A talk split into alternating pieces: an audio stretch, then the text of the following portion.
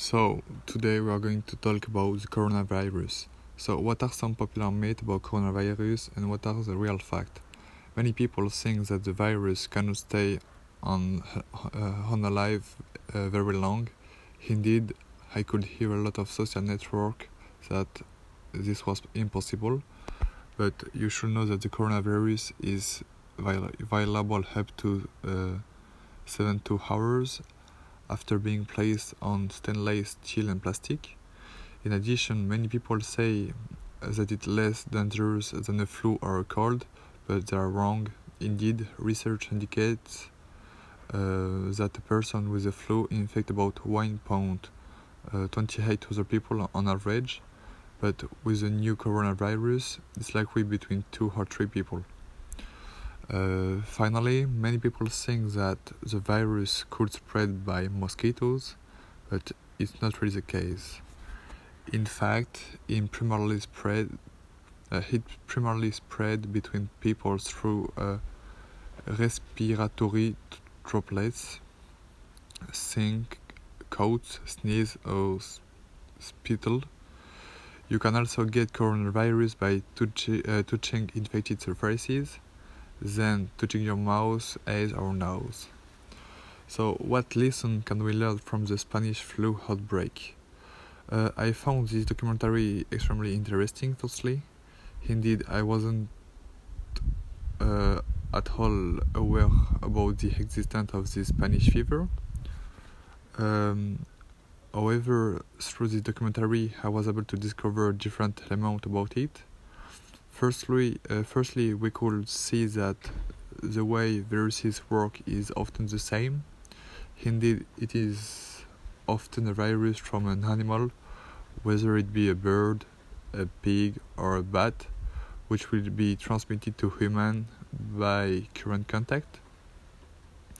This uh, this Spanish flu outbreak helped scientists understand where COVID-19 uh, could come from however, scientists still have many questions about uh, different elements. For example, on how the virus uh, mutates and becomes a virus which is transmitted from man to man. Uh, secondly, it is very difficult to determine why one virus could be more, than, uh, more dangerous than one another. Um, why do you why do you think some individuals and some countries are not taking the coronavirus seriously? So, in fact, uh, people do not take seriously uh, the coronavirus for several reasons.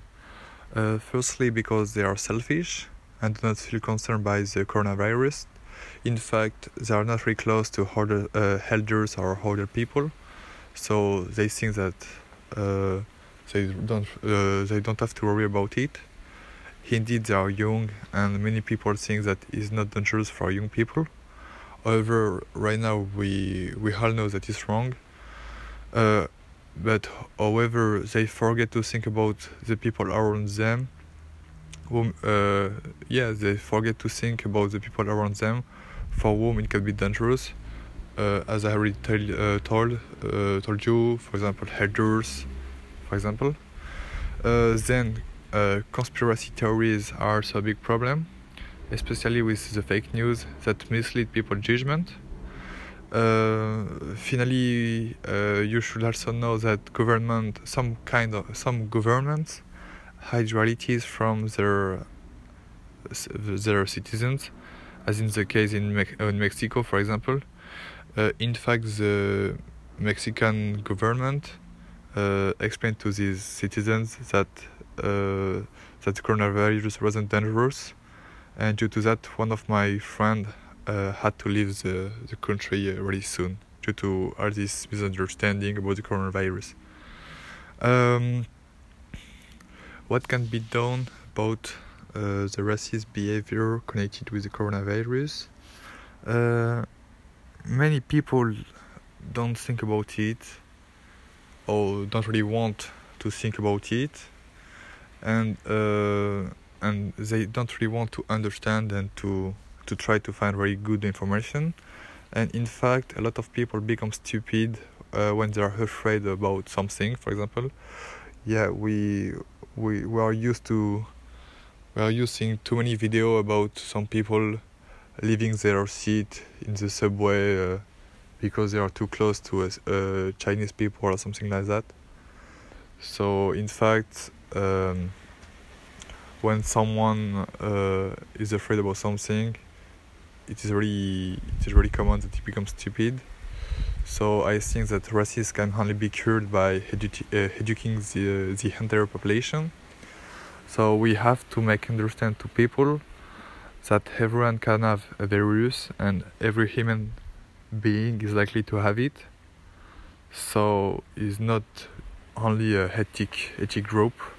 For example, uh, uh, it's not the case that only Chinese people can have the coronavirus. Everyone can have it. So, why do you think people rely on conspiracy theories to explain things? So, research shows that conspiracy theories have a tendency to arise in relation to moments of crisis in society, like a terrorist attack, rapid political change, or economic crisis, or during some some some kind of stuff like we are living. So conspiracy theories bloom in period of inter, uh, uncertainty and threat, where we seek to make sense of a chaotic world. So in fact, these people uh, don't trust people who have the power or our government.